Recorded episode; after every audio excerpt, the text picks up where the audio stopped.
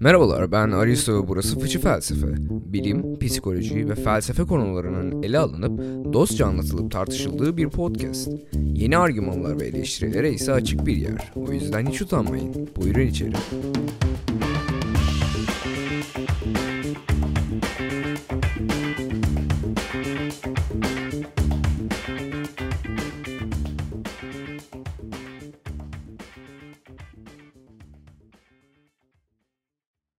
Allah yoksa şu dağları kim yarattı? Klasik, klişe bir soru. Lakin şaka babında olsa bile kimse gerçekten bu soruya bir cevap vermiyor. Dağ türleri birbirinden farklı olduğundan bu sorunun kaç cevabı var? Ama biz en yaygın dağ türünü cevap olarak alacağız. Katlı dağların formasyonu sırasında iki tektonik plaka birbirine yakın bir plaka sınırında birbirine çarpıp ve katlanır. Bu süreç genellikle binlerce kilometreye kadar uzanan dağların oluşumuna neden olur. Avrasya ve Hint levhalarının çarpışmasının ardından en muhteşem dağ sıralarından biri olan Himalaya dağları bu şekilde oluşmuştur. Evet sorunun cevabı aslında bu kadar kolaydı. Bölüm bu kadardı. Dinlediğiniz için teşekkür ederim. Yok yok biz fıçı felsefeyiz. Bir tık daha derin anlatmamız gerekir bunu. Bunun için de birkaç sene öncesine kadar inmemiz gerekiyor. Yaklaşık 13 milyar yıl önce. Diğer tabirle her şeyin ve hiçbir şeyin başlangıcı. Big Bang veya büyük patlama bahsettiğimiz bu başlangıç. Ama düşündüğümüz gibi iki şeyin çarpıp patlaması sonucunda pırt diye otomatik hazır bir dünya çıkmamış.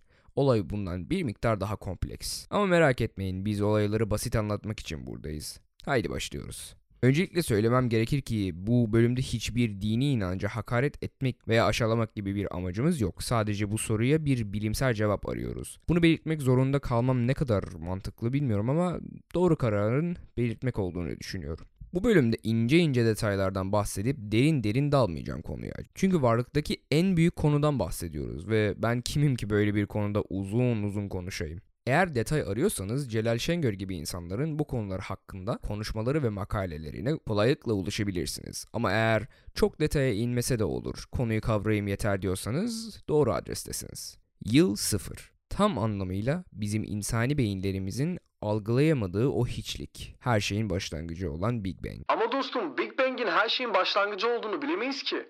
Yani Big Bang'den önce ne oldu ne bitti hani. Fizik teorisyenlere göre zaman ve uzay birbirinden ayrı iki şey değil. Aynı şeyin farklı iki açıklaması. O şey ise uzay zaman. Big Bang uzay zamanının ortaya çıkmasına sebep oldu. O nedenle Big Bang'den önce zaman diye bir şey yoktu. Aynı mantıkla Big Bang'den önce ne oldu diye sormak saçma olur. Çünkü o zaman o zaman yoktu. Yani direkt zaman diye bir şey yoktu. Bu gerçekten biz insanların beyin kapasitesinin ötesinde olan bir şey.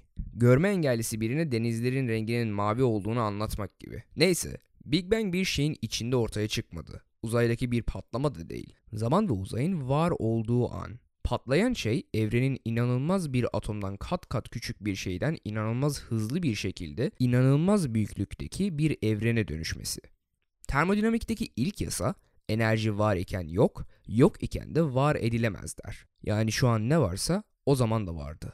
Sizin var olmanıza sebep olan madde ve enerji 13,5 milyar yıl önce de vardı. Sadece şekil değiştirmiş. Bir miktar zaman geçince evren atom çekirdeğinin oluşabilmesi için yeteri kadar soğudu. Böylece hidrojen ve helyum atomları oluştu. Evren ve elementler tablosundaki ilk iki ve en basit iki element. Basit dediğime bakmayın çünkü burada olmamız o basit hidrojen sayesinde.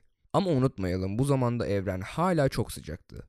İnanılmaz sıcaktı. Ama bir 380 bin yılcık geçince madde ve radyasyonun ayrılması için lazım olan soğukluğa düştü.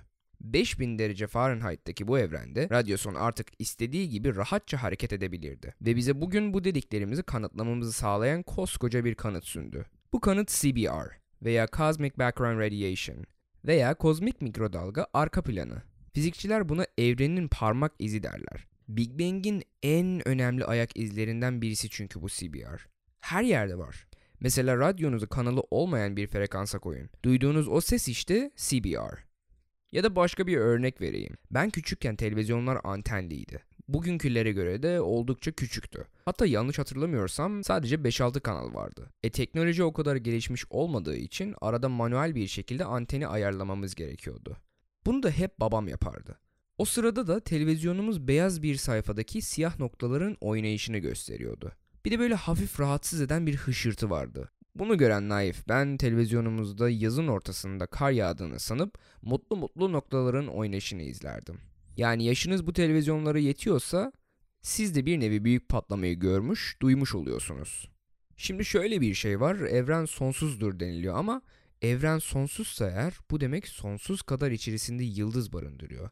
Ve bu yıldızlar gecede de gündüzde de varlar. E ismi de yıldız sonuçta ışık kaynağı. Bu miktar yıldız da bir arada olunca gece ve gündüzü ayırt edemeyeceğimiz kadar bir aydınlık sağlaması gerekmez mi? Düşünün ki evdesiniz, bir şeylerle uğraşıyorsunuz ve uzaktan ambulans sireninin sesini duyuyorsunuz. Size yaklaştıkça ses dalgaları sıkışık olup tiz bir ses duymanızı sağlıyor. Uzaklaştıkça da dalgalar esneyip o tiz ses yavaşça yerine daha kalın bir sese veriyor. Bunun ismi Doppler etkisi. Edwin Hubble ışığın da aynı şeyi yaptığını keşfetti. Bizden uzaklaşan galaksi ve yıldızların ışığı esnetilip rengini daha kırmızı yapıyor ve bize doğru gelenlerin ışığı ise sıkışık bir hal alıp daha mavi bir renk alıyor kendine. Yıldızların ne kadar bizden uzakta olduklarını daha dakik hesaplamamızı sağlayan Henrietta Leavitt'in çalışmaları ile birlikte Hubble, yıldızların genel olarak birbirinden uzaklaştığını gördü. O ve diğerleri evrende bir ton radyasyonun var olduğunu biliyordu ama bunu görmek istiyorlardı. Başka bir deyişle kanıt istiyordu. Bu kanıt da 1960'lı yıllara kadar bulunmadı. Tamamıyla şans eseri New Jersey'deki iki adamın laboratuvardaki büyük ve aşırı hassas radyo anteni üzerinde çalışırken bulundu. Onlar arka plandaki bütün fazla sesi ortadan kaldırmaya çalışıyordu. Lakin bir hışırtı, bir hımlama sesinin her yönden geldiğini gördüler. Bu ses işte o bahsettiğimiz CBR. Yani 13,5 milyar yıl önceden kalmış kozmos frekansları, kozmos ışınları. Big Bang'in başka bir kanıtı onu görebiliyor olmamız. Işığın bir hızı var. Güneşe baktığımızda 8 dakika önceki oradan çıkmış ışığı görüyoruz. Ama 13,5 milyar ışık yılı uzaktaki bir şeye baktığımızda 13,5 milyar yıl önce orada yaşanan şeyleri görüyor olacağız. Radyasyon evrenin yaratılışından beri var. Ondan önce hiçbir şeyin var olmadığını söyleyebilmekle kalmayıp bu radyasyonu inceleyerek Big Bang'in aşamalarını görüp inceleyebiliriz. Yani her şeyin yaratıcısı Big Bang'dir. Dünyamız, suların, dağların ve taşların. Taşlar demişken de fıçı felsefenin bu bölümünün sponsoru olan Moonstone Witch ile sizi tanıştırmak isterim. Beni tanıyorsanız eğer spiritüel konularda pek inanan biri sayılmam. Lakin aksesuar konusunda en beğendiğim şey doğal taştır ve bu taşları nereden tahmin edeceğimi öğrene kadar çok kazık yedim. Metafizik bölümünden sonra Moonstone Witch'in sahibi olan Yasmin benimle iletişime geçip bir sonraki bölüme sponsor olmak istediğini söyledi. Şimdi Moonstone Witch nedir? Spiritüel anlamda aradığınız her şeyi en kolay ve en doğal haliyle bulabileceğiniz küçük bir işletme. Tütsü ile tütsülükten tarot setlerine kadar, ametis gibi taşlardan, Kongo'dan gelen orijinal özel kundalini sitrin parçalarına kadar aradığınız her şeyi tek tuşla Moonstone Witch'in Shopier hesabından sipariş edebilirsiniz. Ve eğer benim gibi taş dünyasına yeni adım atıyorsanız, Instagram hesaplarından onlara ulaşıp istediğiniz kadar bilgi alabilirsiniz. Fıçı felsefe dinleyicilerine özel bir ay boyunca Aristo kodunu kullanarak 100 TL üzeri alışverişlerinizde %10 indirimden yararlanabilirsiniz. Moonstone Witch, aradığınız her şey ve ötesi. En son CBR'dan ve CBR'ın Big Bang'in kanıtlamasında büyük rol oynadığını söyledik. Evren bir nanosaniye içinde atomdan küçük bir şeyden grapefruit büyüklüğündeki bir şey şişince kuantum dalgalanmalarına sebep oldu. Bu dalgalanmalarda CBR'da gördüğümüz varyasyonları yarattı. Bu şişme ilerledikçe o varyasyonların yoğunluğu yer çekiminin hidrojen ve helyum bulutlarını bir araya getirip sıkıştırması kadar arttı. Big Bang'den 380 bin yıl sonra evren yeni bir elementin oluşabilmesi için yeteri kadar sıcak değildi. Ama evren genel bir şekilde gittikçe soğusa da o varyasyonlar sayesinde evrenin bazı yerleri bayağı sıcak olma yolundaydı. Yer çekimi hidrojen ve helyumu çekip birbirine sıkıştırınca yoğun bulutlar oluşmaya başladı. Evrenin şişmesi bu bulutların arasındaki mesafeyi arttırırken bulutların bulunduğu ceplerin yoğunluğunu da arttırdı. Bu miktar sıkışıklık ve yoğunluk ne demek? Sıcaklığın artışı demek. Sıcaklık demek hareket demek. Bu durumda atomların hızı gittikçe artıyor birbirleriyle çarpışıyorlar ve en sonunda ve en sonunda yıldızın ortaya çıkmasına sebep oluyorlar. Big Bang'den 1 milyon yıl sonra ilk yıldız can. 1 milyon yıl gibi bir zamandan sonra artık evren bugün aşina olduğumuz şeklini almıştı. Yıldızlarla dolu sonsuz bir alan.